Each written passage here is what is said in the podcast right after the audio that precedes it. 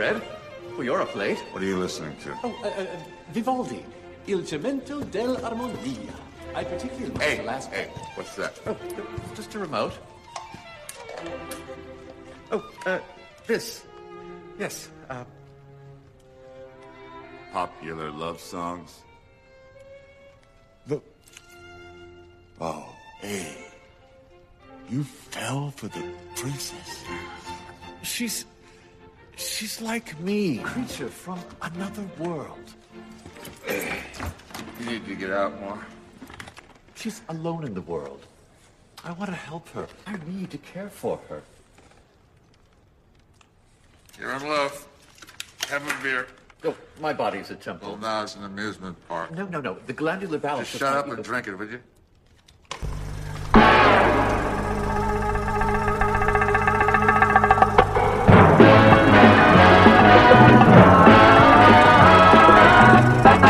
Comes to entertainment, you can't beat a good film.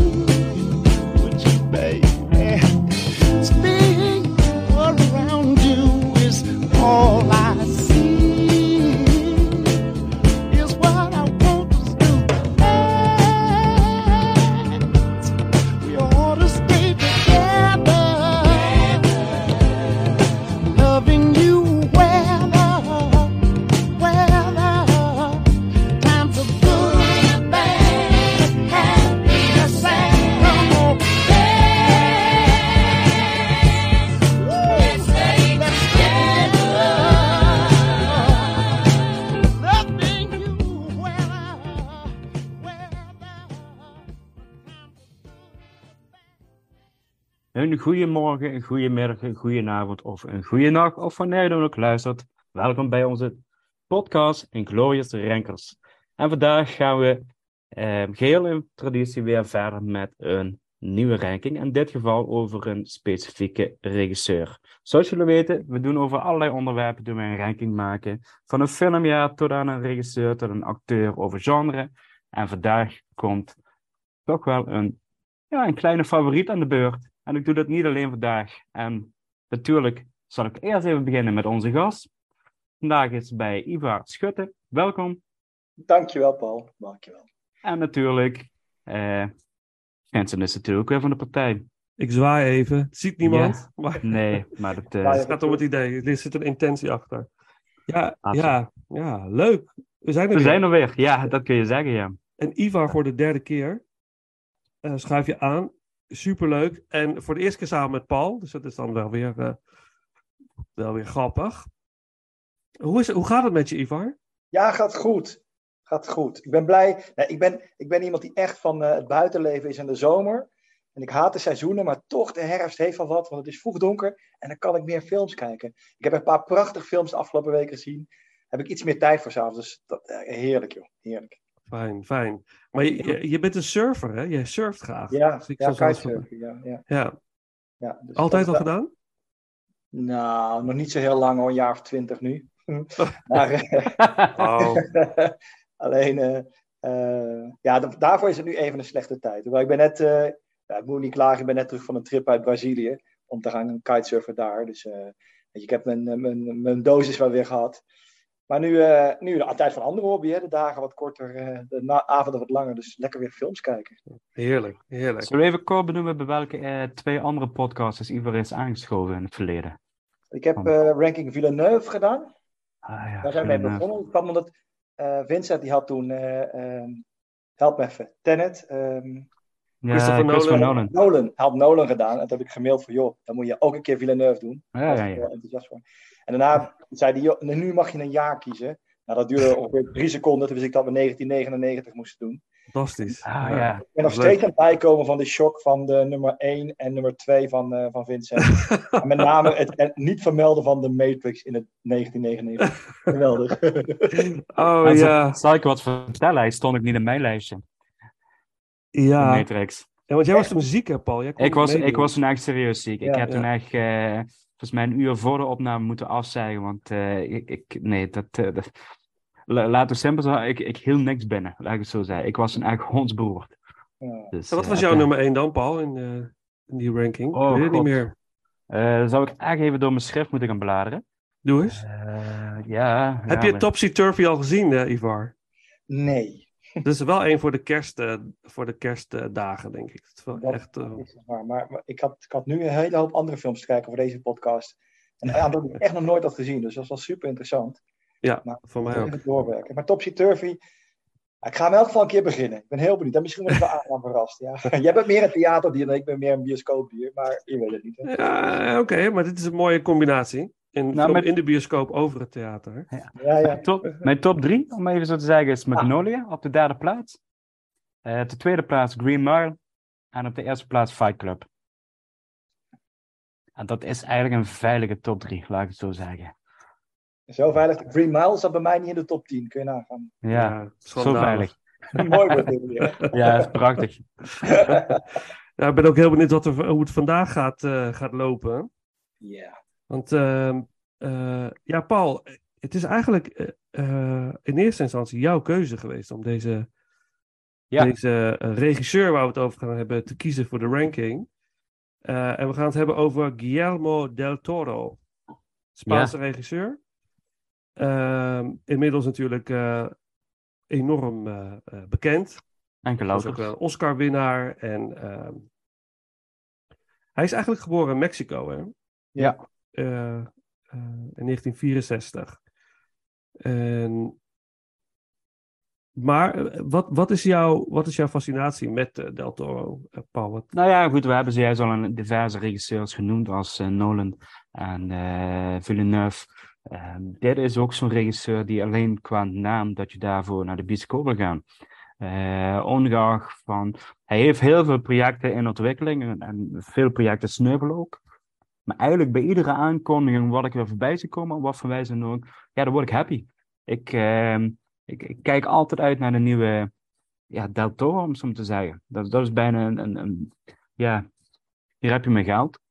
gewoon, dat, dat, dat, dat kaartje, dat, dat hebben ze gewoon. Ehm, eh, en dat, dat heb, ja, heb ik niet met veel regisseurs. En ik heb ook wel enigszins geluk gehad dat ik redelijk vroeg heb kennis met hem gemaakt. Dus ik heb ook al de nodige films van hem in de bioscoop mogen zien. Mm. Eh, van de elf films, denk ik dat ik even kijk. Als ik snel even kijk, ja, heb ik er toch acht in de bioscoop gezien. Dat is Eh, veel. Ja, is dus ik, veel. wa- ik was er echt vroeg bij, zeg maar. Wauw. Blade 2 was voor mij de eerste film die ik van hem in eh, 19, oh nee, 2002 in de bioscoop heb gezien. Mm. Ehm, eh, ja, hij, hij trekt me altijd. Dus het is een, een regisseur die blijft verrassen en ook. eh, eh, ja, kan me eigenlijk op een of andere manier kan me op een positieve manier betoveren. En dat is eigenlijk wel een beetje de, de magie van deze regisseur, zeg maar. Gaaf, gaaf. Eh, Ja. En, eh, en jij, Ivar? Eh, Wat is jouw, jouw connectie met Del Toro? Eh, eh, wat je Ja, zegt, je hebt een... Vertel. Grappig, ja. want die was eigenlijk helemaal niet. En ik had wel wat films van hem gezien. Eh, Maar toen jij zei, ja, laten we dat Toro doen, dacht ik, hè, tien films van hem gaan wenken. Welke tien heeft hij dan gemaakt? Zeg maar, daar ben ik in gaan duiken. Ehm, en ik moet zeggen dat, eh, ik zei net al, ik, ik ben denk ik met zijn minste film begonnen, denk ik. Waardoor ik dacht, hmm, oeh, dit wordt een, eh, een, een, een zware klus. Mm. Maar eh, ik ben wel ergens met Paul eens. Je- hij heeft wat tijd nodig om te rijpen. En als je er echt in verdiept en meer gaat kijken, dan, ehm, ja, dan gaat het toch, hij gaat onder je huid zitten. Ik ben toch wel positief verrast over wat, de kwaliteit van de films die hij heeft gemaakt. Terwijl we hadden van de week nog even eh, geappt of gemaild op wanneer van, joh, poeh, oh, dit wordt nog wel een, een pittig, hè?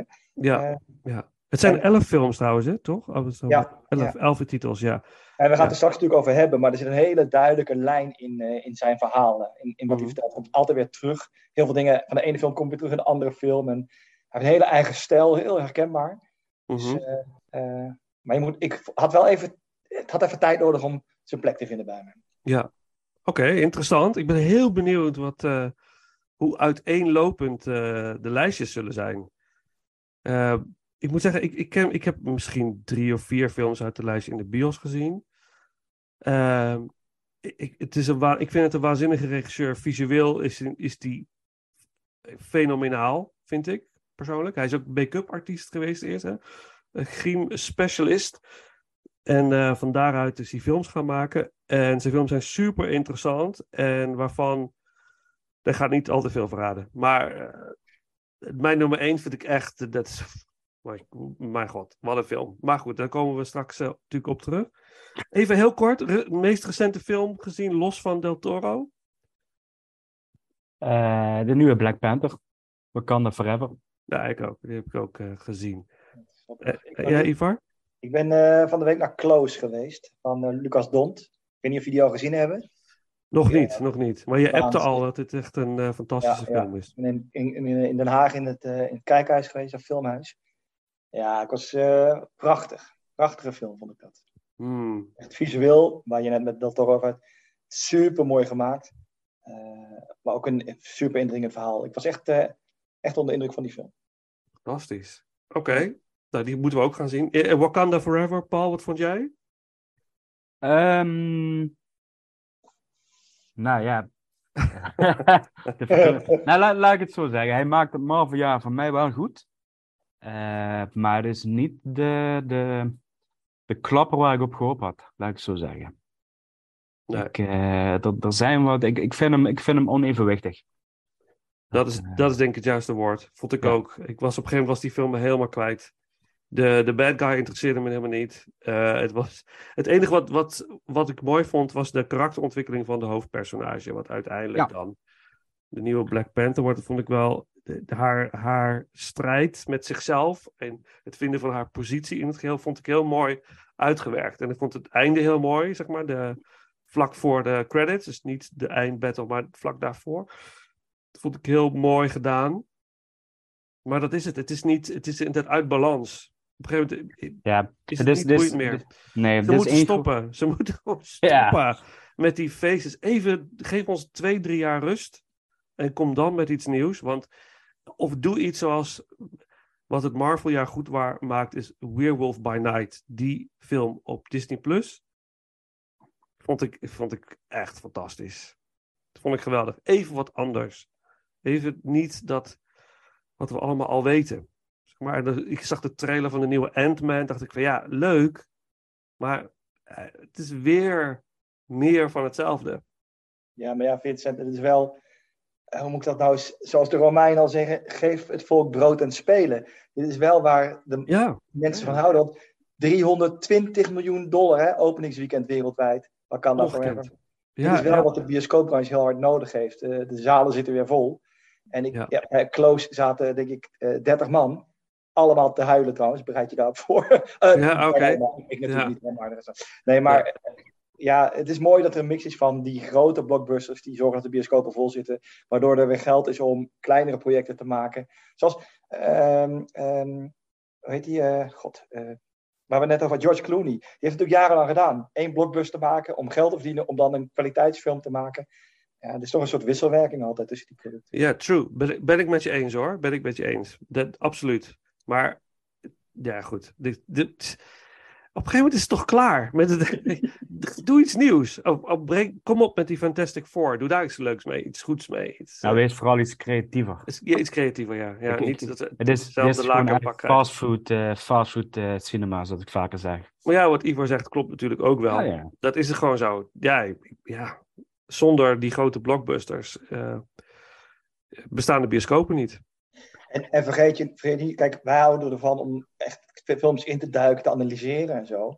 Maar veel mensen gaan naar die bioscoop om even te ontspannen. Dus weg uit de dagelijkse sleur. En dan wil je dit in IMAX of 4D of 3D. Het moet over je heen komen.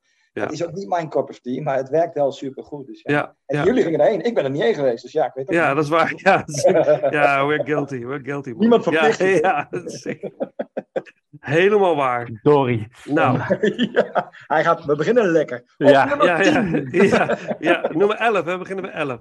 Maar eh, eh, de, de, bij, mijn zoon vond het helemaal geweldig. Die was, eh, en dat was een cadeautje voor Oh, dat geloof ik was, wel. eh, dus het was prima. En inderdaad, dan, dan, als ik 16 was geweest, had ik dit ook natuurlijk meer dan gaaf gevonden.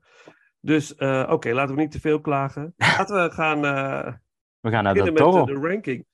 11 films. Wil je ze nog even allemaal opnoemen, Paul? eh, even in chronologische volgorde? En dan... Ja, en uit 1992, sorry, 93. Ja, even mijn eigen handschrift ontleden. 93 is Kronos. Uit 1997 Mimic. Eh 2001 The Devil's Backbone. Ik zal even de duidelijkheid even de Engelse titels gebruiken. Eh, van 2002 Blade 2. 2004 Bla- eh, Hellboy. Eh, 2006 Pan Labyrinth. Eh, 2008 Hellboy 2 The Golden Army. 2013 Pacific Rim. 2015 Crimson Peak. 2017 gaan we naar Shape of Water. En 2021 Nightmare Alley. En dat zijn de 11 films waar we vanavond overdag, er nog luistert, over gaan hebben. ja, precies. Oké. ehm, nou ja, we gaan, eh, we gaan gewoon van start. Ehm, Paul, eh, jij gaat eh, beginnen. Yes. En, We hebben voor de uitzending de TOS al gedaan. Ja. En eh, de eer is aan mij om af te trappen met nummer 11. En nummer 11 is voor mij Mimic. Dit is een film uit 1997. Kort gezegd, er is een, eh een, eh een kakkerlakkenplaag of een insectenplaag in, in een Amerikaanse stad. En er wordt een team gevormd van biologen om dit te onderzoeken. En dit ook natuurlijk op te lossen. Dat zou natuurlijk wel prettig zijn. En eh daar blijkt natuurlijk eh, van alles van gespuis achter te hangen. En eh, met allerlei experimenten. Natuurlijk mensenhanden zijn er aan, zijn er mee verbonden. En ja, die, die, die, die insecten die worden ontzettend groot. Zo groot als honden. En ook zelfs groter. En zelfs dat ze bepaalde vormen van mensen kunnen aannemen. Zo lijkt het. En dat vond ik wel eigenlijk een heel, heel tof gegeven. Eh, want de patronen van de vleugels van de insect, als die in elkaar vouwt, dan lijkt het net of het een silhouet van een mens is. Waardoor hij zich kan camoufleren in, en verstoppen in de metrotunnels, want daar speelt zich van alles af. Ja. Waarom mijn nummer 11? Eigenlijk heel kort gezegd, ik vind dit de meest ehm eh, recht toe recht aan film van Guillermo del Toro. Ondanks dat hij wel nog een eigen touch eraan gegeven heeft, want je ziet wel met het moment dat het echt een film is. Eh, maar het is, eh, en ook wel zijn eerste Amerikaanse film. Dat speelt misschien ook mee vanuit de studio.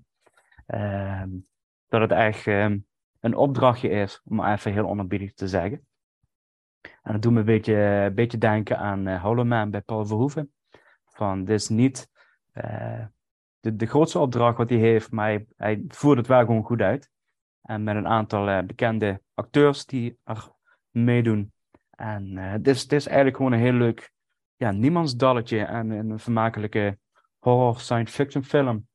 eh, die ik op zich wel graag bekijk, maar als ik dan bekijk welke tien andere films op de lijst staat, ja, dan wordt hij voor mij naar de elfde plaats geschoven. Dus Dat mag hoor, Paul. Het mag. Ja, ja, gelukkig. Het is Nou oké, ja. het geeft niet. Het geeft Nee, niet. hoor. Ik ben het er niet mee eens, maar, het- Ja, dit, eh, maar dat hebben wij ook al wel voor. vaker. Ja, ja. Is het jouw nummer 1 toevallig? Nee, dat is, dat is dan weer net niet. maar maar ik, ja, oké. Eh, wel een. eh, ik, eh, dit is ook de film wat ik las dat, hij, eh, dat Del Toro best wel wat conflicten had met eh, Harvey Weinstein op de set. Dat het best wel uit de hand is gelopen. En eh, dat het zelfs nog tot een soort eh, gevecht, heb ik dat goed, gevecht heeft geleid met James Cameron tijdens de Oscars of zo. Dat was iets. Nou, Was het- het- wat, ik, wat ik daarvan weet is dat hij. Er zijn twee dingen gebeurd wat die film interessant maakt. Dus één is, het was zijn eerste grote Amerikaanse film. Dus het was zijn eerste kennismaking met, met, eh, met Hollywood. En dat was met de gebroeders Weinstein, dus allebei. En dat is, hij zegt dat is een van de ergste ervaringen uit mijn leven. De andere erge ervaring is dat na het uitkomen van die film, de vader van Del Toro is ontvoerd in Mexico. En die heeft hij losgeld voor moeten betalen. En daar heeft James Cameron bij geholpen om dat losgeld te betalen. En, maar het mooie is dat hij nooit zeker weet welke twee van die evenementen hij het allerergste in zijn leven vond. Dat zijn vader was ont- ontvoerd of dat hij samen moest werken met de Weinstein Brothers, Weinstein Brothers. En hij denkt nog steeds dat het Weinstein het ergste is wat hij heeft meegemaakt. Dat, eh, Oh, en in hindsight begrijpen we dat allemaal natuurlijk, want het zijn natuurlijk vreselijke gasten. Maar eh, ik vond dat wel een interessante achtergrond trouwens. Ja, oh, dat wist ik helemaal niet van die ontvoering. ja, ja dat is wel, eh, oh my god, dat dat dan minder erg is dan, dan de Weinstein Brothers. Oh, mijn god, hoe moet dat dan een hel zijn geweest? En dan toch nog een redelijk kwalitatief goed product afleveren. Dat is toch wel weer, eh, wel weer knap. En met veel studio pressure. Maar ik las iets ook dat er tijdens de Oscar-uitreiking, ik ga het even opzoeken ondertussen, wat, er was iets, er had iets plaatsgevonden tussen Weinstein en ehm, eh, James Cameron. En dat had te maken met Del Toro. Ehm, Nou, als, jij, kijken. als jij het opzoekt, dan. eh, want ik, ik had eh, wat. ehm, eh, want hij zei, vindt het zelf ook zijn allerslechtste film. eh, Del Toro. Hij zei: Ja, dit Ja, is zeer. mijn minst geslaagde film. En hij heeft later nog een director's cut gemaakt. En die schijnt geslaagder te zijn. Hij heeft Mm. zoveel compromis moeten sluiten voor deze film. Dat het eigenlijk een, een project is waar hij helemaal niet trots op is. En daardoor heeft hij ook een hele tijd niet meer met, met Amerikanen in Amerika, in Amerika gewerkt. Dat is echt een beetje een, eh, een, eh, een kater voor hem. Ja, Daarover gesproken, er komt er net eentje door het beeld lopen, zie ik. Een kater. Ja, kater.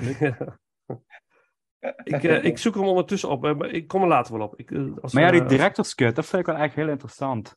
Dat eh, zou ik op direct... eh, is, is hij ook al uitgekomen? Of eh, is dat eigenlijk iets voor, eh, alleen voor hem en eh, ja, het geluk, zeg maar? Ja, ik denk, Voor sommigen. Ik denk dat op DVD wel ergens te vinden is. Director's cut die worden meestal wel uitgebracht op zo'n manier.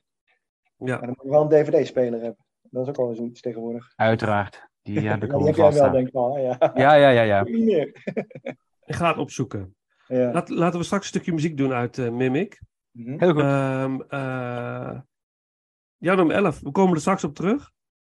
Eh, zal ik dan mijn nummer 11 eh, gooien dan jij, eh, Ivar? Ik vind het prima. Ja, oké. Oké, mijn nu- nummer 11. Ehm zijn jullie het vast niet mee eens. Eh, Sam was het er helemaal niet mee eens dat ik die op nummer 11 had staan. Oei, Dus eh, hij zei: Nee, dat kan toch niet? Ik zeg: Ja, echt, ik vind het echt helemaal niks. En het is Pacific Rim. Pacific Rim is mijn nummer 11. Waarom? Waar, ja, waarom? nee, ik Godsnaam. ben gewoon benieuwd. Nou, weet je, ik, het, het vervelende, wat ik vervelend vind aan die films, ik hou heel erg van die monsterfilms. Ik vind dat geweldig. King Kong, Godzilla. Kong versus Godzilla vond ik echt fantastisch. En, eh, en het is ook, eh, maar die eh, monsters hebben een soort van karakters of zo, waardoor het misschien leuker wordt om naar te kijken. Ik, ik, kon, niks, ik kon niks met deze film. Ik vond het helemaal niet leuk. Eh, het hele gegeven is natuurlijk wel interessant. Hè? Dat, dat het, het, gaat erom dat, dat zegt de, hoofdrolspeler ook aan het begin van de film. Ik keek altijd naar de sterren met de gedachte dat eh, al, het, al het alien gebeur, gebeuren vandaar kwam. Maar ik had het mis. Het komt namelijk van onder de zee, van in de kern van de aarde, van in de aarde komen de kaiju, de gigantische monsters, komen eh, eh, naar boven. En komen alleen maar om gewoon te vernietigen. Ze maken alles kapot wat eh, op hun pad ligt. Dus hele steden worden aan gort geslagen, getrapt. En wij mensen zijn zo nietig, we kunnen daar helemaal niks mee. Maar uiteindelijk is er, wordt, er, is er, wordt, er een, wordt er iets bedacht. Wordt er een, enorme robot gecreëerd. Huge. Net zo groot als de, de kaiju monsters zelf. En die robots worden dan bestuurd door twee personen die gelinkt zijn, mentaal gelinkt zijn aan elkaar, waardoor ze dus die hele robot kunnen besturen. Dus de ene persoon doet de linkerkant en de andere persoon doet de rechterkant bestuurt. Die robot. Dan denk ik al, ja, come on, dat vond ik al helemaal niet, niet boeiend. Ik denk, dit is niet leuk. Dus het, dan wordt het zo'n soort van gelijke strijd ik weet niet, kon me niet. Uh, nee, vond ik niet leuk. En, het, in de gevechten zijn. Ja, die robots zijn gigantisch groot. Het is heel log en langzaam. En, dus alles gaat heel. Die gevechten zijn ook heel slow. En uh, ik, ik boeide me niet. En die karakters, de, de, de, de, de human characters, zeg maar, die vond ik ook niet heel bijzonder. Ik, ik, kon er, ik kon er gewoon niet inkomen. Dat is het punt. Het kon me niet boeien. En ik heb het eh, drie keer geprobeerd. Echt waar, Paul en Ivar. Ik heb het echt geprobeerd. En laatst, het is ja. erg. erg. Je mag ook een nummer 11 hebben. Oh, gelukkig. Ja. gelukkig. ja, nee, maar ik vond... Nee, ik kon... Dit is, uh, we komen hier straks natuurlijk volop nog op terug, maar ik, ik, ik, kon er, ik kon er echt helemaal niks mee. En het ziet er fantastisch uit. Het, is, het ziet er echt geweldig uit. Wat, wat een uh, werk, wat een mooi werk. Maar ja, dat is hetzelfde als, zeg maar, op een gegeven moment heb je in, uh, ik ging naar de musical Tarzan in het Circus Theater. Uh, een aantal jaar geleden. Het ziet er prachtig uit. Het is echt fantastisch. Met slingerende apen en zo. En een prachtig decor. En, en de, de eerste tien minuten zit je echt van, wow, wat is, dit is echt fantastisch. Maar dan begint dat hele verhaal te lopen. En op de helft lag ik gewoon te slapen in het theater en, dat, en ik, weet je, dat is dat gevoel. Want het ziet er allemaal prachtig uit. Maar als het je niet, niet grijpt, het verhaal zelf, dan is het niks. En dat had ik bij deze film heel sterk. Dus uh, vandaar. Nummer 11. We hopen dat hij niet bij een van ons op nummer 1 staat, maar we zien het wel. Nou, mag zomaar. Ik, ik, zie Paul, ik zie Paul kijken. Oh jee. ja. Maar uh, nee, dat is, dus die, uh, dat is die van mij. Um, nou, laten we dan voor nu, nu wel een stukje muziek doen. Even voor de afwisseling. Het main theme uit Pacific Rim. En de muziek is gemaakt door Ramin Djawadi. Kennen jullie dat? Kennen jullie ja. ja. Hij is vooral ook bekend van de Game of Thrones serie, de muziek. Ah, en okay, Westworld. Okay. Dat zegt al een hoop aan de stijl. Van de stijl. Ja, dan snap ik het. Oh. Maar hij heeft ook een aantal uh, echt uh, ook wel bekende filmtitels op zijn naam staan. Dus uh, ja. Nice. Oké, nou. Het centrale thema, muziek. Het is wel goede muziek trouwens, by the way. Thank you.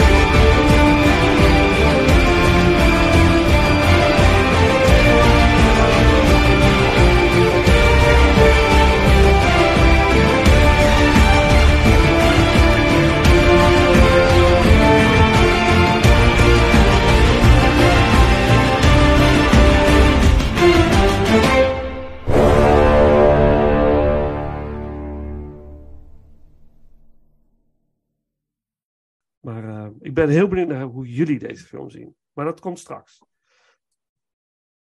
En jouw nummer 11? Ivar. Mijn nummer 11. Ik zit in, eh in Campal in deze, is Mimic. Dat was ook de film waar ik mee begon. De elf films van eh, Del Toro. Oi, oi, oi, oi, oi, wat een draak van een film. Ja, ja, misschien zat hij bij jou hoog, maar het, het, eh, ik vond de, de achtergrond, waar we net over hadden, super interessant. Het is de eerste Amerikaanse film. Het, het, het gelazen met eh, de gebroeders Weinstein. Ehm, maar het is echt een slechte film. Ik vind de hoofdrolspeelster eh, Mira Sorvino, die vind ik nog wel aardig. Die heeft ook nog een paar jaar daarvoor een Oscar gewonnen van Mighty Aphrodite, weet ik. Eh, maar heel veel uit de film is gejat. Het is heel duidelijk dat eh, er zitten heel veel stijlelementen uit Seven in. Het is donker, het regent. Ik dacht eerst van bijna een, een copycat daarvan. Ehm, eh, wat ik wel leuk vind is, het is, is zo 90s. Alles is 90s. Het, het acteerwerk, de kleding. Het is natuurlijk ook in de 90 jaren opgenomen. Waar het voor mij wat al eens eerder over had. Dat Ja. soms in films wordt geprobeerd de jaren 90 na te spelen. Eh, maar hier, dit is het gewoon. Dus dat vond ik dan wel cool. Maar hij is gewoon slecht, slecht geacteerd. Ik vond het wel leuk, een hele jonge Josh Brolin erin. Die eh, in stukken wordt gescheurd. Dat vind ik ook weer mooi. Ja. Ehm, maar ehm, het hangt zo van toevalligheden aan elkaar. En eh, ook, ik vind een van de eh, rode lijnen door de films van Del Toro is dat ze zo tot in detail verzorgd zijn. Er zitten altijd, er zitten altijd wel kleine foutjes in, maar nooit grote. Het is super mooi gemaakt. En dat vond ik bij deze film niet. Ik vond het gewoon ook niet mooi. Eh, heel donker, zoals veel van zijn films. Maar en dan om even een voorbeeldje te noemen. eh, we mogen spoilers doen, hè? Wel eerder. Ja, zeker. ja, ja, ja. Graag, graag. Ja, op een gegeven moment eh, weet hij dus op een of andere manier in dat metrostelsel de broedplaats van die, eh van die kakkerlakken te vinden. Eh, blaast alles op. Grote vuurbal, weet zelf te ontkomen. Allah, dat vind ik tot daaraan. Dat vind ik al zo'n bijzonder moment. Maar dan loopt zij door dat verlaten gangenstelsel. Oh ja, je moet één ding weten: die kakkerlakken, die, eh, het zijn allemaal vrouwtjes en er is één mannetje. En als dat mannetje er niet meer is, dan zijn ze allemaal dood. Alle kakkerlakken zijn dood. En er komt net dat ene die over is, is dat mannetje. En ja, maar wat is, dat vond ik, ik vond het allemaal zo ver gezocht. Het, eh, afgezien van dat het film mij nergens pakte, ehm, eh, eh, eh, vond ik, ik ja, het, het was gewoon geen goede film. Ik vind het gewoon geen goede film. Maar dat is persoonlijk, hè, dat is het leuke van Rank. Nee, maar dit- ja, precies. Maar het dit- geeft je, niet, Ivar. Ook jij Ik mag nummer 11. Ja. Nee, maar je had er eigenlijk tien van dit soort films ook kunnen maken. Met hetzelfde verhaal. met- en dan eh, doe je het geen kakkerlakken, maar doe je katten. Ik noem maar wat. Ja, ja. Eh, de- dus allemaal hetzelfde. hetzelfde eigenlijk eigenlijk een, een, een, een Hollywood-product. Het is gewoon eh 13 een dozijn. Beetje als The Relic en zo. ja, ja. In dezelfde periode, die, dat gevoel had ik er een beetje bij. Inderdaad. Ik heb weet laatst niet nog hoe ver we gekeken. dat- Hoe ver we dat, dat Del Toro kwalijk kunnen nemen. Omdat hij ook aangeeft, ja, ik kon zoveel dingen niet doen in die film die ik wilde. Maar bijvoorbeeld het begin, het gaat erom, die kakkerlakken zijn gemuteerd, omdat daarvoor was er een, een virus dat alle kinderen in New York bedreigde en doodde. En daar hadden ze dus een soort nieuwe mutant kakkerlak bedacht, die dan die andere kakkerlakken die die eh, ziekte veroorzaakten, allemaal zouden ombrengen. En die kakkerlakken waren zo gemuteerd dat ze daar twee jaar dood zouden gaan. En dat lukte dus niet. Maar dat hele stuk van die kinderen, dat belichten van die kinderen die stierven, dat wordt echt in 20 seconden verteld. En dan gaan ze naar, oké, en nu heel veel monsters laten zien. Terwijl dat juist het super interessante van die film is. Waarom gaan we dit doen? Dus eh, echt een gemiste kans. Maar het wordt beter. Nummers 10 tot en met 1 zijn wel beter. Dat is wel. Oh, gelukkig. Gelukkig. Oké, nou oké. Dus dit is jouw nummer 11. Ja. Eh, nou, stra- straks muziek uit Mimic, echt, eh, beste luisteraars. Maar, ehm, oké, dan gaan we naar de nummers 10. Eh, Yes. Paul, zeg Mijn nummer 10 is Blade 2. En ehm, nou, niet zo enthousiast, hè? Ehm nee, ja, Blade 2, ja, dat is eh, wel nog steeds mijn favoriete Blade-film van de drie. Daar ben Ja, ik wel heel erg in. Ja, ik, eh, ik vind het ook een, eigenlijk een hele fijne comic-verfilming. Vooral in de finale zitten een aantal shots in dat je echt denkt, ja, die zijn zo uit het comicboek gehaald. Qua design, qua, qua setting, qua vormgeving, qua look. Eh, is- dit is eigenlijk gewoon een heerlijke vampierenfilm. Eh, dat is ook wel redelijk ehm, op een bepaalde manier volgens het boekje, om het even zo te zeggen. Ehm, op, op zich, ja, toch wel bijzonder genoeg, ja, is toch wel weer dezelfde studio, ook van Mimic. Eh, dus volgens mij zit er wel is hij toch teruggegaan eh, naar de gebroedjes Weinstein, als ik het goed begrepen heb. Dus er is toch wel iets, eh, of ze hebben hem gewoon echt goed betaald. Ehm, eh, gewoon hele leuke, fijne acties staan. Ik heb hem afgelopen weekend nog eens gekeken. Dit is, dit is eigenlijk ja, voor mij een beetje hersenloos eh, vermaak, om het even zo te zeggen. Ehm, en dan krijg je eigenlijk ook weer de degradatie van, we dan zien welke negen films hierboven staan, eh, ja, dan- is, ja, is dit een schral- contrast, laat ik het zo zeggen. Dus eh, absoluut een leuke film. Hij heeft ook een beetje de tijd niet doorstaan qua special effects en qua, qua, qua aantal zaken, technische zaken. En het middenstuk vind ik een beetje, een beetje gemakzuchtig. Speelt zich ook wel af in een riolering, eh, gangenstelsel. Ja, ik denk van, dat hebben we ook al eens vaker gezien. Had ik liever wat anders willen zien. Eh, ik weet niet wat. Nee, maar zeg, is- wat dan? Ja, nou ja, kijk, op zich, Ja. wat ik dan wel weer interessant vind, is wat de eerste film en ook wel een beetje de derde film, ze deden wel wat andere dingen uitproberen. Eh, bij de derde film ging het helemaal niet goed, of werkte het gewoon niet. Eh, dus ze proberen het wel. Maar ik had vooral ook het gevoel dat het ook vooral budgetair eh, een reden was van, het is goedkoop, eh, je kunt met sets werken, je hebt heel veel onder controle door het in een, een ja, gangenstelsel te plaatsen. Ehm, dus dat gevoel kreeg ik, omdat vooral de, de, de opening is best groot, moet ik moeten zeggen. De film begint echt sterk in Rusland. Ehm is volgens mij ook volledig in Europa opgenomen, eh, wat ik begrepen heb. Ehm, en de finale is groot. En ik van, dan vind ik die de tussenstuk een beetje, een beetje, ja, lauw, om even zo te zeggen. Eh, en ook qua verhaal, technisch gebeuren er dingen in het verhaal, of in het middenstuk, waar ik denk van, ja, als je, als je het hele middenstuk eruit had geknipt, had je alleen de actiescène gemist. Maar had je niks gemist qua verhaallijn of iets dergelijks. Want het komt allemaal terug, eerder of later. Ehm, en ik heb het dan met name inderdaad over het ondergrondse gebeuren. Het moment dat ze in die discotheek staan, eh, wat eigenlijk een ja, opgepompte versie is van de eerste film, waar de film mee opent. eh, en waar ook eh, een aanval plaatsvindt van, van die Reapers. Ja, dat vind ik wel eigenlijk een, verbetering. om zo te zeggen. Ik had, ik had meer zoiets verwacht, om zo te zeggen, dat het wel buiten op straat, zover het dan kan, plaatsgevonden. Dus. Mhm. Oké, oké. Interesting. Mhm. Eh, eh, ik, ga, ik, ga, ik bewaar mijn eh, mening voor straks. over Blade 2. Het is zeker de beste van de trilogie, dat wil ik wel zeggen. En Blade Trinity, dat is echt een slecht. Dat is het toonbeeld van een slechte film. Gewoon Ja. niet zo slecht dat het goed wordt, zeg maar, maar echt slecht. Slecht. Dat vond ik echt een teleurstelling. Eh, toen ik ze alle drie ging kijken, vond ik Blade 1 echt eh, heel leuk. Dat Blade 2 vond ik nog leuker. En toen dacht ik, oh nou, nou, zal het dan zo zijn dat deel 3 eh, de kerst op de taart is? Nou, dat was het echt helemaal niet. Dus het was, het was echt een, een Was een aanfluiting. bedorven slagroom.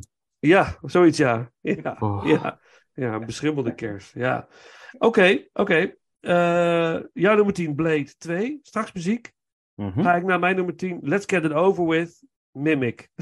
Ja, is, eh, ja, weet je, dat inderdaad, wat je zegt, Paul, dat heeft, maar wat, wat hierna komt, is gewoon beter dan Mimic. Dat kun je gewoon, dat vind ik ook.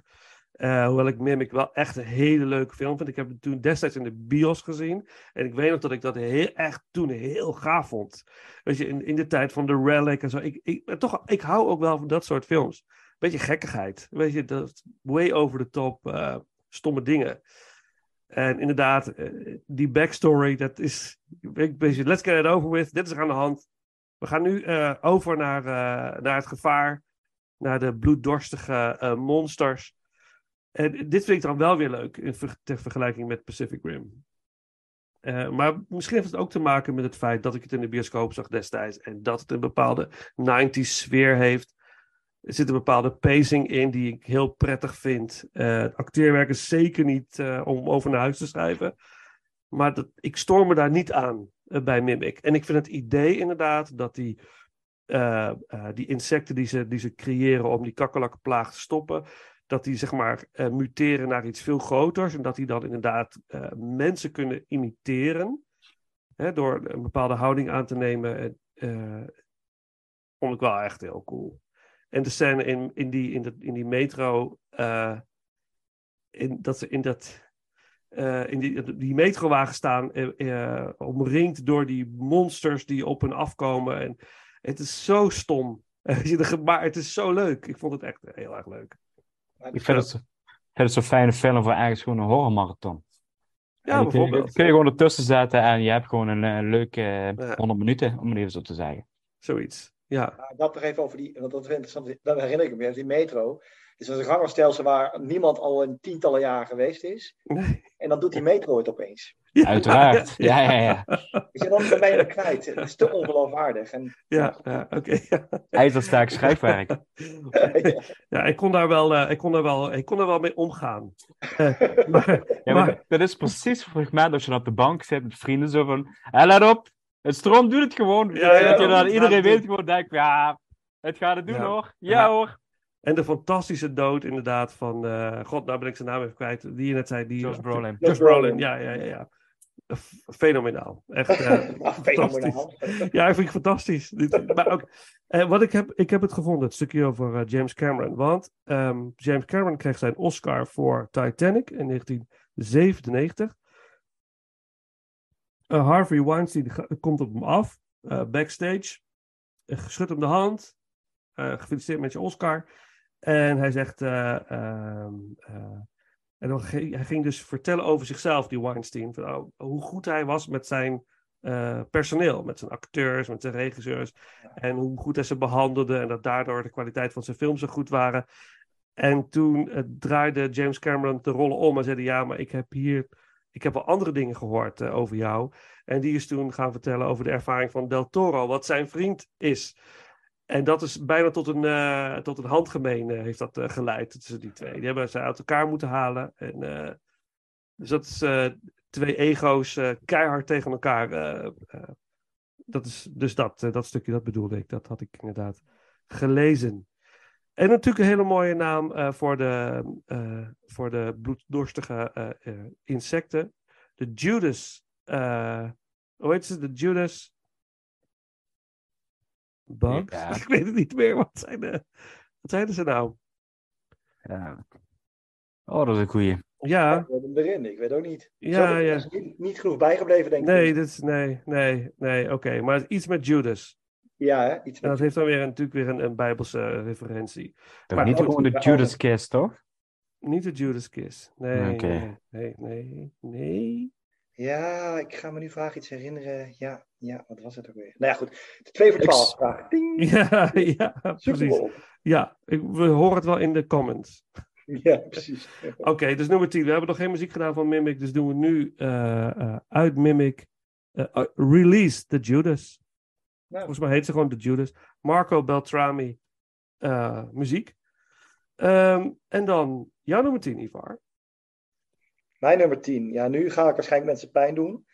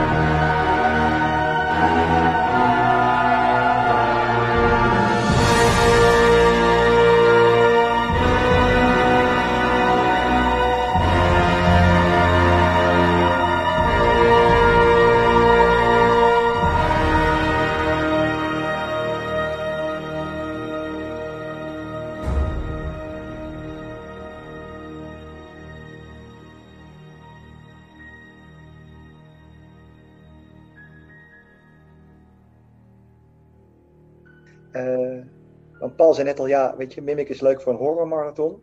Horror is het enige genre waar ik echt niet van hou. Dus ik had ik wel een beetje, toen ik dit allemaal ging kijken, oh, hoe horror is het allemaal? En daarom zit maar 10 Chronos. Dat is een film die mij gewoon, ik kon er niks mee. Daar ga ik heel kort over zijn. Eh, hij is ook wat te oud, denk ik. Ik heb heel lang moeten zoeken of ik hem kon kijken, want hij was niet makkelijk voorhanden en zo. Eh, en de, ik heb denk ik meer tijd besteed aan de film zoeken dan ernaar kijken.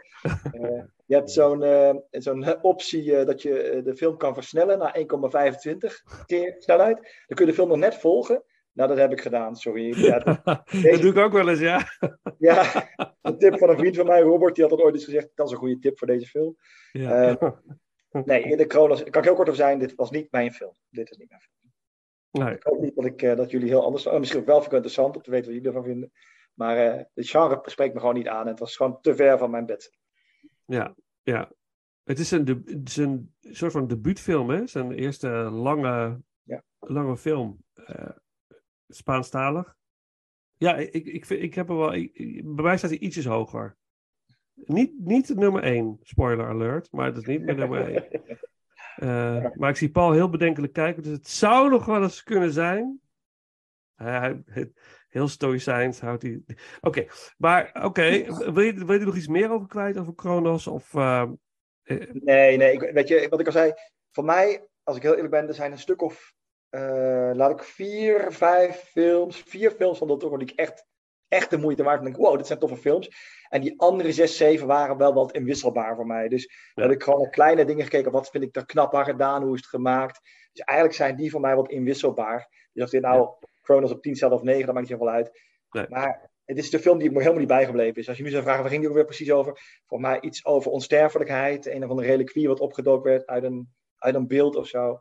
Nee, Ja. dat, nee, nee, is niks voor mij deze. Maar misschien, ik ben heel benieuwd naar jullie comments zo. Oké, En, eh, misschien moet ik, moet ik hem dan toch net als Topsy Turvy alsnog een keer kijken. Je weet het niet. ah, maar Topsy Turvy is heel anders dan Kronos. Ja, maar dan heb je me ook verleid om daar toch geïnteresseerd te raken en te kijken. Misschien heeft Paul wel een heel goed verhaal waarom ik deze toch even goed moet kijken. Ja, oké, oké. Nou, wie weet, wie weet. Oké, jouw nummer 10 Kronos, straks muziek. En jouw nummer 9, Paul. Nou, mijn nummer 9, voordat ik erop ga zeggen van. eh Ivo zegt juist, van, je bent niet echt een liefhebber van horrorfilms. Ja, dat horrorfilms schuren natuurlijk wel tegenaan. Dus ik ben wel benieuwd. Hop, nu gooi ik mijn pen op de grond, maar dat is een ander verhaal. Ehm, ja, hoe je dus die andere films beleefd hebt. Dus ik, eh, ik hoop dat we dat eh, gedurende de podcast van je te horen krijgen. En dan gaan we natuurlijk nu naar mijn nummer 9. En mijn nummer 9 is. ja, dat, dat is misschien mijn vloek in de kerk, om zo maar te zeggen. Maar dat is de meest recente film van hem, The Nightmare Alley. En ehm, ehm, ja, wat, wat liep ik met pijn in mijn hart eh, de bioscoop uit. Ik, ehm, ik heb deze film met heel veel moeite kunnen kijken. Eh, met name gewoon gedurende coronatijd. Eh, de bioscopen waren nog niet opgestart. Rare tijden, voorstellingen, noem maar, op. En ik had gedurende zoiets, ja, wat er gebeurt, er waren drie films die ik moest zien. En dat was House of Gucci. ja, de, de vierde Matrix film. Ja, goed, daar gaan we niet verder over hebben. En Nightmare Alley. Eh, die drie, maakt niet uit wat gebeurde, maar ik wilde die heel graag zien. Eh, vooral begin dit jaar. Eh, want dan praten we over januari van dit jaar. Ehm, maar ja, ik liep echt wel een beetje met een, met een gebroken hart naar buiten. De bioscoop. Oh, even voordat je. Is, is een van de drie films je niet tegengevallen dan, die je net noemt? Eh, Ja, en, nou, als, ja, nou, als ik, als de, de beste van de drie, om even zo te zeggen, ja, vind ik House of Gucci. ja, ja. En daar heb ik het ook eh, daar heb ik het over gehad in, in onze opname van Ridley Scott. Eh, ja, dat, het, het, waren, het, waren, het waren zure weken, laten we het zo zeggen. ik, wat ik vooral daarin moeilijk vond, van de, er was al weinig aanbod in de bioscoop. Er waren moeilijke tijden om ze te zien. En dan is er daar wat je eigenlijk terecht zegt, van kijk deze drie films en eh, dan doet het wel pijn als filmliefhebber, om zo te zeggen. Eh, want ik heb echt heel lang uitgekeken naar Nightmare Alley. Eh, dit is de langste film van 2,5 uur. Het gaat over een, een man, gespeeld door Bradley Cooper, met een mysterieus verleden. Dat er in het begin speelt wordt af. Hij vindt onderdak in een kermis. En wordt eigenlijk een beetje de, de nieuwe magier. Hij leert eigenlijk allerlei trucjes van de kermis. En gaat het zodanig eh, onder de knie krijgen dat hij een hele grote. eh, eh, eh, oh, noem het even. Een mentalist. Ja, Ja. dankjewel. Een eh, hele goede mentalist wordt. eh, die vervolgens een solo show gaat eh, opvoeren. En daarmee zijn vriendin mee op pad neemt. Ehm, wat me vooral. ehm, ten eerste, de, de, de film wist me halverwege niet meer te raken. Eh, de film begon heel erg sterk, vooral het circusgedeelte. Ehm, ik vind het ook een film van twee gezichten. Ehm, ik had liever gezien als je die twee films helemaal uit elkaar had gehaald. En een film over het circus had gemaakt. En een film over het mental eh, gebeuren. Eh, en datgene wat er allemaal mee gebeurt. Ehm, maar de hele film kon op een gegeven moment gewoon niet meer boeien. De film ziet er visueel prachtig uit. Eh, enorm grote namen spelen erin mee. Misschien wel de grootste cast wat hij ooit gehad heeft, want iedereen wil tegenwoordig met de toren werken. Ehm, maar dan denk ik van ja, goed, je kunt wel heel veel grote namen eh, in een film hebben, maar je moet ze ook wat, je moet ze iets geven om er wat mee te kunnen doen. En eh, Willem Dafoe is een van de weinige uitzonderingen die een kleine rol heeft, maar wel daar het maximale uit te halen. Maar er lopen wel een aantal acteurs rond waarvan ik steeds het gevoel heb van, ehm, jongens, jullie kunnen beter. Jullie, jullie doen te weinig. Ehm, ik vond het eigenlijk een gemis van sommige acteurs die daarin rondliepen in deze film. Ehm, ja, en dat, dat, dat is eigenlijk het. Ik heb vooral, ik heb, ik heb me eigenlijk voorgenomen om de film te herzien voor deze opname. Maar ik, ik kreeg er gewoon een slecht gevoel bij. Ik kreeg het Hmm. gewoon niet. Ja, hoe zeg je dat? Ik kreeg het niet voor elkaar om me op te gaan zetten. Eh. Om Disney Plus aan te gooien en zeggen van ja, weet je, laat ik Nightmare Alley nog eens gaan kijken. Zeker omdat het 2,5 uur duurt. Eh, ik heb de afgelopen dagen heel veel Toro gezien. Dus op een gegeven moment ben je ook wel een beetje verzadigd eh, als je de hele tijd in die wereld wordt gezogen. Maar ik, ik heb op een manier een, een hele vervelende afkeer tegen deze film gekregen. Oeh, spannend. En- En dat vind ik, vind ik, vind ik echt, eh, en dat doet me echt pijn, omdat ik, wat ik zei, ik ben eigenlijk een liefhebber van Del Toro. En ik zie ook de schoonheid en ik zie ook de details en weet je, het, het, ziet er eigenlijk weer prachtig uit. De, de, de, de kleding, de, de tijd, eh tijdgeest wat wordt neergezet met auto's, noem maar allemaal op. Maar het film weet me niet te raken. Hij miste iets. Sorry? Het, het, is ook, het is ook mijn nummer 9. Ook die van Ah, jou toevallig gelukkig. ook, Ivar? Nee, die van Nee, Ivar niet? Oh, ook, oh, zeker niet. Oh, zeker niet. Oh, Ah. dat is, dat is Oh, ja, ja, ja. Daar begint het, nice. begint het. Nee, ik, ik ben het eigenlijk voor het grootste deel met je eens. Ik heb er niet een, een nare na. Ik heb hem gisteravond voor het eerst in mijn leven gezien. Inderdaad op Disney Plus hij te kijken. Of als je dat hebt, inderdaad kun je hem gewoon eh, bekijken. Het eerste deel van de film vond ik heel veelbelovend. Ik denk, Ja. zo, dit, eh, dit kan wel eens heel tof worden. En inderdaad, daarna raakt die film mij ook kwijt. Om vervolgens weer in een high speed weer, weer, te pakken. De laatste Kwartier? laatste drie, drie kwartier, Ah, ja. laatste Oké. acte van de film, eh, heeft hij toch wel weer, eh, doet het weer iets met me. Ja, want daar gebeurt eigenlijk iets. En dat is Ja. iets bij de Toro. Ja. De Toro weet altijd. ehm zeg als een film twee uur duurt, kun je eigenlijk altijd een beetje in blokken van vier, vier keer een half uur. Er wordt altijd naar iets opgebouwd, er komt een ontknoping en dan gaat het weer verder. Mhm. En deze film bleef voor mij heel lang leeg. Het kabbelde aan en eigenlijk vanaf het moment dat Bradley Coopers karakter met zijn vriendin Rainy, eh Rooney Mara, eh eigenlijk topactrice, eh, zodra die het circus verlaten en voor zichzelf gaan, toen kakte het voor mij in. Toen, toen Mhm. ontstond er een nieuwe wereld in de grote stad en Kate Blanchett komt dan op een gegeven moment Ja. in een verhaal voorbij als een, ja, als een geduchte tegenstander, laat ik hem even zo zeggen. Want zij is ook niet eh, eh, ja, om zonder handschoenen aan te pakken. Eh, dus eigenlijk een waardige tegenstander voor Bradley Cooper, dat is karakter. Dus ik dacht op een gegeven moment ook van ja, daar moet op een gegeven moment wel vuurwerk aan staan. Maar het, het, ja, het- dat, dat proberen ze ook. Dus ja, dat, en dat het wel sluimert. Ja, Maar het, het ja. wil op een manier niet vonken. Het wil op een gegeven moment niet vonken, zodat er op een gegeven moment dan de climax komt, die echt eh, ja, zeg maar. Het, het, het kabbelt een beetje door. En op een gegeven moment draait het verhaal zich terug naar het circus. Ja, daar moet ik Ja. wel eerlijk zeggen, ja, dat zou ik wel heel ver aankomen. ja, ik zag het ook aankomen. Dacht, oh ja, Want- natuurlijk. Dit is iets van, Dus dat- dat, ja. alles wat de Toro in zijn film doet, komt op een manier terug. Alle Ik vind- kleine scènes komen altijd teruggedraaid. Of ik vind dat, dat, dat kermisidee vind ik altijd heel gaaf in films. Eh, Dat eh, ik vind dat mooi. Er is ook zo'n hele mooie film, Water for Elephants. Ja. Prachtig eh, mooie film. Alleen, weet je, jij zei het ziet er heel mooi uit en zo. Het ziet er prachtig uit, maar ik vond het te mooi. Ik vond het allemaal te mooi. Snap je? Het, is niet, Mhm. het voelde niet vies en rauw. Eh, dat circus ook. Ik vond het, het zag allemaal net iets te, te fairy tale uit.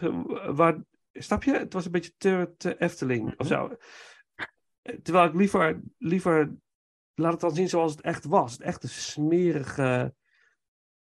En, Ja, een beetje eh, Walt Disney-achtig. voorzichtig vond ik het. Ik vond het voorzichtig. Uiteindelijk, de climax was verre van voorzichtig. Maar ik vond het eerste deel ook met de geek, weet je wel. Ik vond het... Mhm. Het, het, was, het was interessant. Ik, dit kan een heel, hele toffe film worden. Maar inderdaad, het, het focust zich niet op de dingen die mij boeiden, zeg maar. Uiteindelijk. Uiteindelijk. Eh, vervolgens weer met, eh, hoe heet die, Richard Jenkins. eh, dat is een fantastische Mhm. rol van hem. Maar in ieder geval, ik, ik denk te mooi. Het, het kon me niet boeien. Het duurde veel te lang. Nou, Ik was een gewoon- remake, hè? Ik was, ja, het is eh, wat prachtig. Vroeger natuurlijk, vroeger Vroeger. waren de, eh, werden de, de, de films in Nederland aangekondigd met Nederlandse titels. Hè?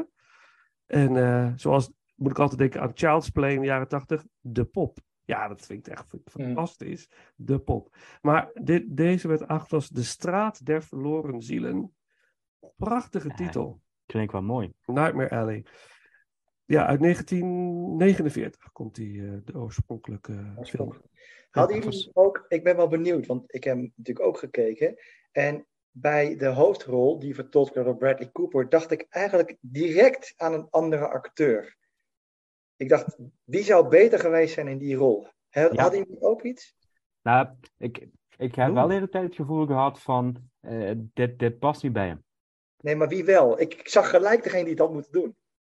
Ja, Christopher Waltz is het eerste wat me dan te binnen schiet. Ik dacht Leonardo DiCaprio. En het Oh. grappige is, is dat hij er ook als eerste door Del Toro voor gevraagd was. Want wat Del Toro vaak doet, is hij maakt films met al de hoofdrolspeler, de acteur en zijn gedachten. Zoals Ron Perlman, die zullen we nog heel vaak horen vanavond. Dat is, dat is zeg maar zijn mannelijke muse. Ja, Ehm, fantastisch. Ehm, maar DiCaprio was ook gevraagd voor de rol. Had ook al ja gezegd, maar ze kwamen er financieel niet uit. En toen is Bradley Cooper ingevlogen op het laatste moment. En toen dacht ik, ja, als DiCaprio erin had gezeten, had het nog wat beter gepast, voor mijn gevoel. Dat zou best wel eens kunnen, ja. Ja, ja zeker de Caprio van nu. Hè? Met, eh, Mhm. Once Upon a Time in Hollywood, eh, Django Unchained, eh DiCaprio. Ja, Ja, maar ook Shutter Island, dan vond ik Ja. dat ook zo'n soort rol. ja, absoluut. Ja, dat is een goeie. Ja. Ik zat eerst denken aan Hugh Jackman of zo. Ja, die Ja, vind maar dat vind ik wel interessant wat je nu zegt. Want voor mij, en hij, komt, hij staat bij mij een stuk hoger. Ik vond hem, hij had heel veel referenties voor mij met The Prestige. Ja, de Waar Hugh Prestige. Jackman in zit. Ja, Ja. Weet je wel, ja. ma- eh, mensen met, eh, met beetje magie en, eh, en illusionisten en zo. Ja. Eh, de sfeer vond ik heel erg vergelijkbaar. Ik ben het heel erg met Paul eens dat het eerste stuk, dat je eh, dat hele carnavalsterrein, vond ik het meest interessante. Want toen hij daar wegreed met die vrachtwagen met zijn eh, vriendin, in, toen nam ook echt afscheid ervan. En dat vond ik ook jammer. Daar had ik meer van willen weten wat daar gebeurde. ja, Dat ben ja. ik wel met Paul eens. Dat dat Ja. eh, wel zonde is. Ja. Maar goed, is ons, ons beider nummer 9. nou, dan vind ik wel dat het een stukje muziek verdient. Ja. Eh, eh, Nathan Johnson, Johnson? Nathan Johnson. Eh, Man or Beast, de track. En dan eh, jouw nummer 9.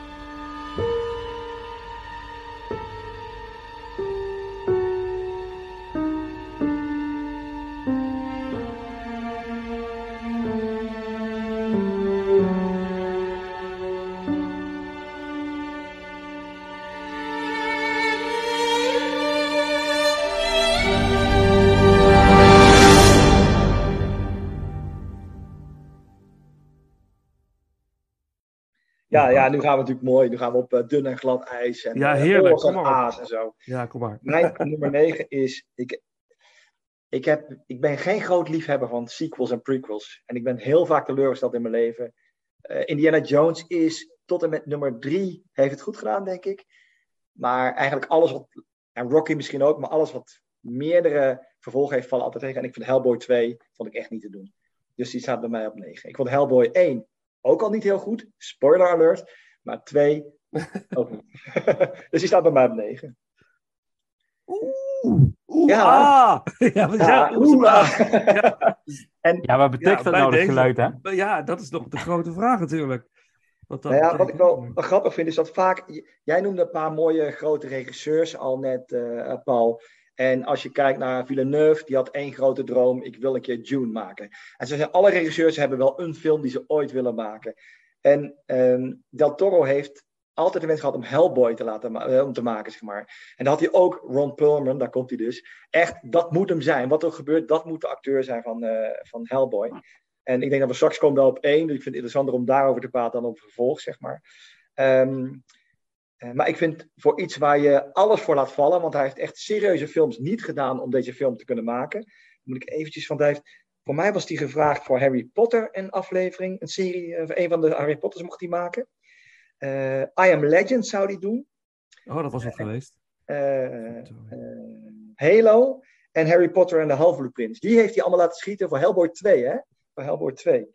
Ehm, ja, toen dacht ik, echt? Ja, ik vind gewoon niks vernieuwends. Alles heb ik al een keer gezien. Alles wat ze daar doen. Het is weer een superheld. Eh, het eerste vond ik nog iets beter, het tweede niet. Nee, dat was eh, nee, niet. eh, Nee. Is, is, het ook, is, is het ook niet jouw ding, het superheldengenre? Heb, of heb je daar op zich wel wat mee? Nee, en dat is waar we net al over begonnen, dat het zo uitgemolken is tegenwoordig. Hè? De enige die ik echt leuk vind, en ik verheug op deel 3, over sequels gesproken, en prequel, sequels, is Deadpool. Maar dat is zo origineel en dan lig ik echt in een deuk. Dat is super Ja. grappig. Ja, ja. Ehm, maar alle andere, het is, het is ook allemaal zo nep. En die, ze kunnen vuur spugen, laserstralen uit de ogen. Op zo'n manier kan ik, kan ik ook een, een verhaal schrijven. Je komt altijd wel ermee weg, want dan kan weer iemand vliegen. Of drie uur onder water blijven. Ja, dat werkt voor mij niet. Ik, Nee. eh, Nee. nee, dat is eh, dat, wel weer mooi gemaakt. Dat moet ik zeggen, het is echt wel mooi gemaakt. Echt heel mooi. ja. Zo dun. Ik vond het flinterdun verhaal. Dus, eh, Het, het, is, het, het verhaal is ook flinterdun van eh, Hellboy 2. zal, ik, zal, ik eens een, zal ik eens een stelling poneren? Oh, doe eens.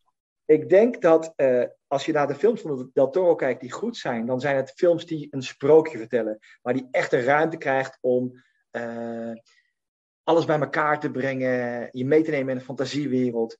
Daar is hij sterk in. Wat Del Toro mijns inziens niet moet doen, is actiefilms maken. Dat vind ik hem gewoon niet goed in. Daar is hij te weinig onderscheidend en er worden 13 in een dozijn. Mm. Dat vind ik met Hellboy en met de anderen die nog komen ook. Dus ik vind dat een hele duidelijke scheiding. En zijn kracht, en hoewel er heel veel herkenbare elementen zitten, hè, want behalve Ron Perlman eh, heeft hij altijd iets met een mortuarium. Er wordt altijd autopsie gedaan en er zitten altijd insecten in zijn film. Zeg maar, die, ja, ja. alle elf naast elkaar en je ziet het. Ehm, en het is altijd donker, gloomy noemen ze dat zo mooi, vind ik. Heel weinig zon, het regent altijd, of het is binnen. Ehm, het is heel herkenbaar als een, als een Del Toro film. Eh, maar ik vind dat niet zijn kracht. Ik vind actiefilms niet zijn kracht. Ja, ik vind dat wel een interessante st- stelling. Ik weet niet. Of, ik weet het niet. Ik moet erover nadenken. Je hoeft er niet mee eens te zijn, Vincent. Hij zou, nee, maar ik moet erover nadenken. Ik moet erover ik- nadenken. Ik volg er wel deels, ja. Als, Ja. je, als, je hem, als je hem een pure actiefilm laat maken, om het even zo te zeggen, eh, denk inderdaad niet eh, dat, dat hij daar bovenuit stijgt. Ik denk dat, er, eh, dat je menige andere regisseur daar een beter resultaat van zou boeken. Dat, ja, nou ja, dus ik denk aan Pacific Rim, inderdaad. is, Ja. is, een, is een mooi vind, ik dat voorbeeld. wel vind ik dat wel weer iets anders, moet ik eerlijk zeggen. Pacific. Oh Ja, daar had ik al gedacht, ja. Nou, om het even heel simpel te zeggen, Pacific Rim heeft de actie vooral uit computers, om het zo te zeggen. Maar als je bijvoorbeeld kijkt naar, naar Hellboy en Blade, eh, daar zijn eigenlijk man tegen man gevechten, eh, dat soort dingen. En daar heb ik wel af en toe het idee van dat er vooral de second unit directors en eh, andere grootheden wordt geregeld. En dat, dat door vooral zijn idee presenteert van dat wil ik hebben voor de film. En dat er een ander team mee aan de slag gaat om dat werkelijk te maken. En dat bedoel ik er eigenlijk mee met eh, eh, als je hem echt pure actiescènes laat eh, maken. Mhm, mhm. Mhm. Nou, oké. Ik ben benieuwd wat eh, luisteraars vinden hier van deze, van deze stelling. Ja. Er zit, zit wel, eh, er zit wel wat in hoor, eh, Ivar. Ik denk dat. Maar oké, oké. jouw nummer 9, Hellboy 2. Eh, dan gaan we naar nummer 8. Nou, Paul. Mijn nummer 8 is Kronos. Hij is zojuist al even benoemd door, eh, door Ivar. Ehm, ik, ik volg deel jouw, jouw mening erin van. eh, dit, is, dit, is, eigenlijk een heel klein verhaal. Eh, misschien wel het kleinste verhaal van alle films, om zo te zeggen. Er komt een, een oudere man, vindt een, een, een, een oude ja, een artefact, om het zo maar even te zeggen. En eh, dat. eh, het lijkt een beetje op op een, op een beetle, op een kever. En die pint zich vast aan zijn lijf. En zuigt daar bloed uit zijn lijf. En het, creëert eigenlijk een soort, een soort variant van een vampier. Maar niet de vampieren die we kennen, maar wel iemand die afhankelijk wordt van een bepaalde bloeddors. Ehm, ehm, er is iemand anders, gespeeld Ron Perlman, in zijn jonge jaren, eh, die, die een soort ja, jager is op dit soort eh, karakters. Ehm, en die oude man zorgt ook nog voor zijn kleindochter. Kleindochter heeft nog een aandeel in het film. Ehm, ik, vind, ik vind het eigenlijk een heel klein mooi filmpje, om het even zo te zeggen. Ook een beetje eh, eigenlijk een debuutfilm. Wat we vaker hebben gezien, doen we ook een beetje denken aan, aan de debuutfilm eh, The Following van Christopher Nolan. Ehm, ook heel klein, met beperkte middelen, eigenlijk maximaal eruit halen. Ik denk ook van, als je dat Toro vooral restricties qua budget oplegt, dat hij enorm creatief wordt en daar echt gigantisch mooie dingen mee presenteert, zeg maar. Ehm, ik vond het vooral mooi op basis van het, het, het, de relatie tussen opa en kleindochter. Eh, daar zit een bepaalde drama in. En dat vond ik wel heel erg mooi gemaakt in deze film. En dat maakt het ook klein en eh intrigerend, zeg maar. Maar het verhaal eromheen, het grotere verhaal waar het eigenlijk om draait, vond ik te weinig, vond ik te min om daar, eh, om daar de aandacht voor vast te houden, zeg maar. Ehm, ik heb hem ook niet in een hele goede kwaliteit kunnen kijken. Misschien heb ik ook gewoon dingen gemist. Ehm, het is wel een film die ik wel eens de tweede keer wil gaan kijken. Eh, omdat ik toch wel nieuwsgierig... Het, het triggert een bepaalde nieuwsgierigheid de hele tijd. Mhm. Sommige dingen zijn, sommige scènes zijn enorm donker.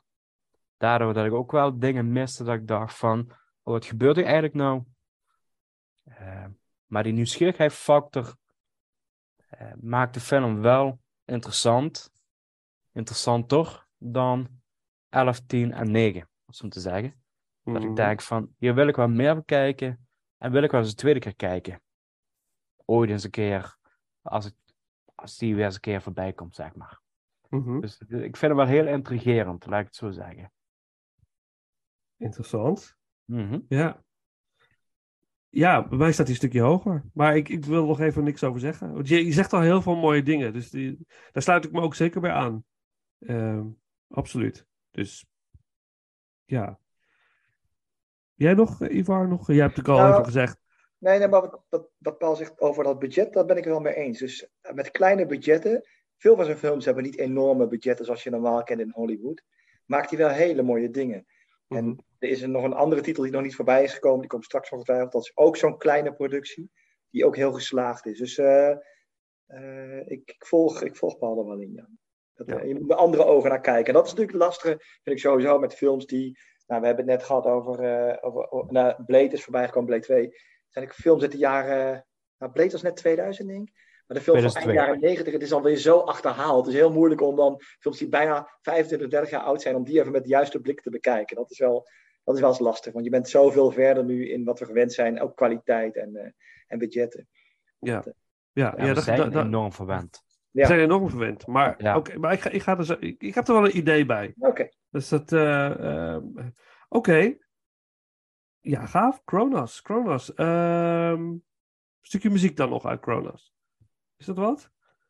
Tuurlijk. Jesus?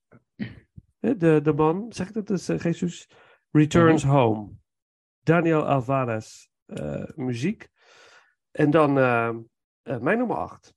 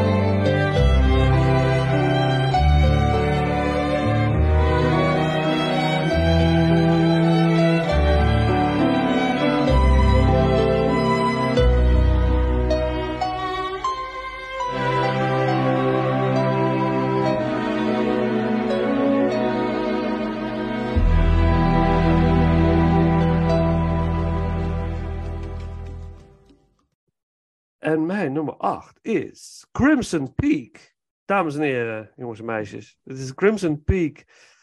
En eh, Crimson Peak heb ik ook voor het eerst gezien voor deze ranking. Ik had hem nog nooit eerder gezien. En ik ehm, ging hem kijken. Op een avond was ik was alleen thuis. En die film begon. Ik was een half uur verder. Ik stop, ik zet hem nu uit. Want dit moet ik met eh, mijn vrouw gaan kijken, met Lies. Die vindt het fantastisch. De tijd speelt, de sfeer. Helemaal gaaf. Dus ik zeg, ik, heb iets moois. We moeten dit samen kijken. Dus we gingen eh, beginnen, samen kijken. En het begin, eerste drie kwartier. Wauw, wat een film, man. Dit is echt te gek.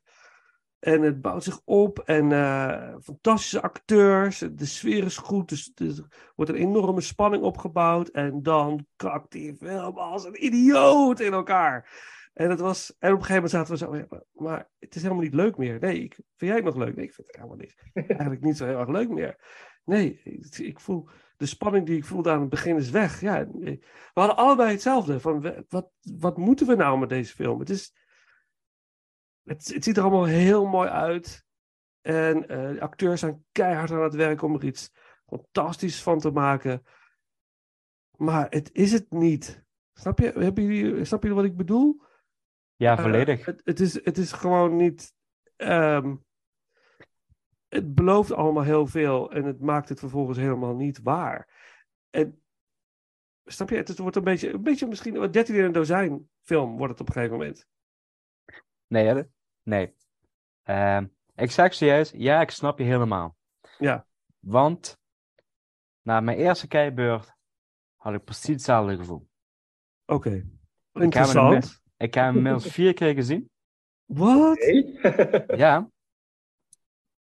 En ga ook eens een keer. Ja, ja, ik weet niet of je, of je, de, de, of je toevallig de Blu-ray hebt.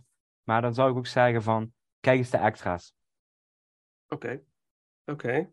En mij, hij komt nog bij mij van bij. Dus. Ja, ik heb hem gezien op uh, Prime Video. Staat hij. Uh, Oké. Ik hem kijken. Ja, klopt inderdaad. Ik zag hem voorbij komen dit weekend. Oh, dus ik moet nog vaker zien. En dan ga ik dus dingen ontdekken. Misschien moet ik ook eh, op YouTube eh, eh, bonus features, extra's gaan Nou ja, kijken. Kijk, aan de andere kant denk ik wel, je beoordeelt wel een film op de eerste kijkbeurt. Kijk, zo, zo reëel moet je zijn. Je, je gaat naar de bioscoop, je kijkt een film, de eerste kijkbeurt. ehm, ja, dan, moet- die klap moet, moet goed zitten, om ze even zo Ja, te want zeggen. dan wil je hem ook vaak gaan kijken. Ik heb nu niet de behoefte om met deze film nog een keer te, te kijken. Om mijn tijd eraan te Ja. zeg maar. In eerste instantie had ik het eigenlijk een beetje hetzelfde als Nightmare Alley, wat ik zojuist vertaalde. Dat ik eigenlijk, dat ik, ik, liep, ik liep niet zo ontevreden naar buiten als bij Nightmare Alley. Maar ik had wel zoiets van, hmm, hmm. En precies dat middenstuk, wat je zegt. Dat Mhm. is iets waar ik, waar ik absoluut je in herken, zeg maar. Ja, maar ook het einde. Het einde was, vond ik ook niet meer interessant. Ik, ik- omdat, Oh, ik juist wel. nee, ik vond het helemaal niet... Nee, het, terwijl ik wel heel erg hou van dat soort films, snap je? Mhm. En Ja. visueel is, is die overweldigend, schitterend, mooi weer. Het prachtig. Maar hoeveel Eh, karakters eh, heb jij eh, heb je nou gekeken in deze film? Dat, moet ik dat, weet ik niet. Een, een aantal, moet ik dat... daar, zit, daar zit vast een, een, een geheimpie. Of iets wat... ik kom erop terug. Ja, ja, ja, doe Ik maar. ben me wel even eraan herdenken, want ik, Ja, ja, ja, je weet mijn hersens zijn en gaat de Dus, Ja, eh, oké, hoeveelheid karakters. Maar Vincent, ik vond, jij maakt wel een interessante opmerking over fantastische acteurs. Ja, Ehm, ja, wij kijken allemaal veel films. Hè? En eh, als, er- als er iets op tv is, dan vaak zie je al na een paar minuten aan de acteurs of een film een goede film is of een B-film. Je hebt gewoon een hele rits B-acteurs, die worden overal ingeschoven en zo. En ik vind bij, met uitzondering van de laatste film van hem, Nightmare Alley, dat de acteurs zitten er altijd net even tussenin. Het zijn niet de topacteurs, maar ze zijn ook niet slecht. Waardoor de, weet je, eh, Charlie Hunnam bijvoorbeeld, die eh, heeft hij ook een paar keer, komt hij in zijn films terug en zo. Het zijn, ze, het, het glijdt bij mij altijd een beetje eraf bij die acteurs. En Oh, vond ik, vind Tom Hiddleston wel een hele fijne acteur, moet ik Ja, zeggen. oh grappig, dat vind ik dus helemaal, ik vind Ja. hem zo leeg niks en deze serie deze film ook.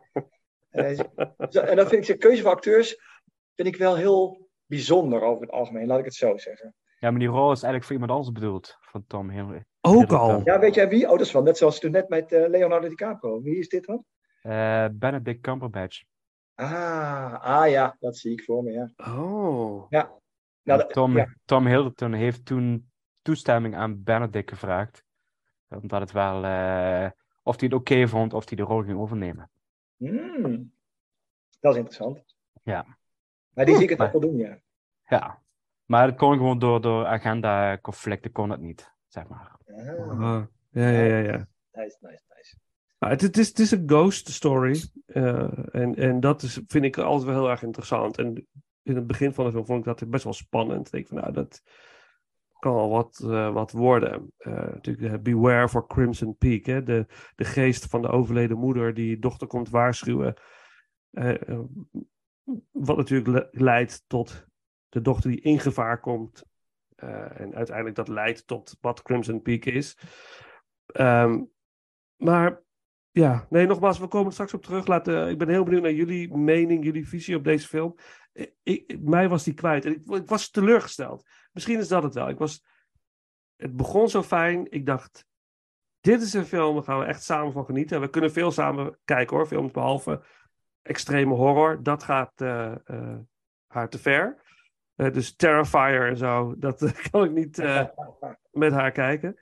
Maar heel veel wel. En, en het is teleur, een teleurstelling. Dat- vond, ik- ik vond het heel jammer. Want ik had toch echt gehoopt dat het op dit level zou blijven. Of misschien nog naar een hoger level zou gaan.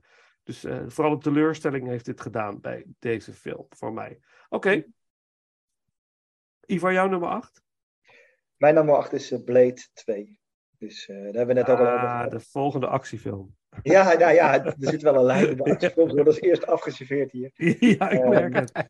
Ja, ja, eh, Wesley Snipes natuurlijk wel grappig, vond ik het. Ehm, maar het waren zoveel van die archetypische rollen. En met bad guys, stoerdoenerij. Het, heel erg jaren negentig sausje hing er nog overheen. Terwijl die volgens mij wel later is dan de jaren negentig. Beetje blijven hangen daarin.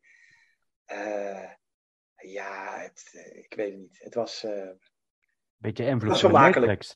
Zeg je? Beetje invloed van de Matrix had ik soms het idee.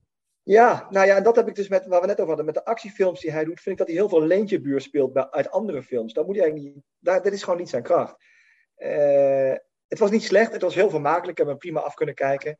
Eh, maar er was niks verrassends aan. Dus eh, dat, eh, nee, het is voor mij. nee, en ik heb mezelf de moeite bespaard om Blade 1, 4, 5, 6, Trinity, Blade Return, Blade Forever en The End of Blade te kijken. Dus, Blade. Forever.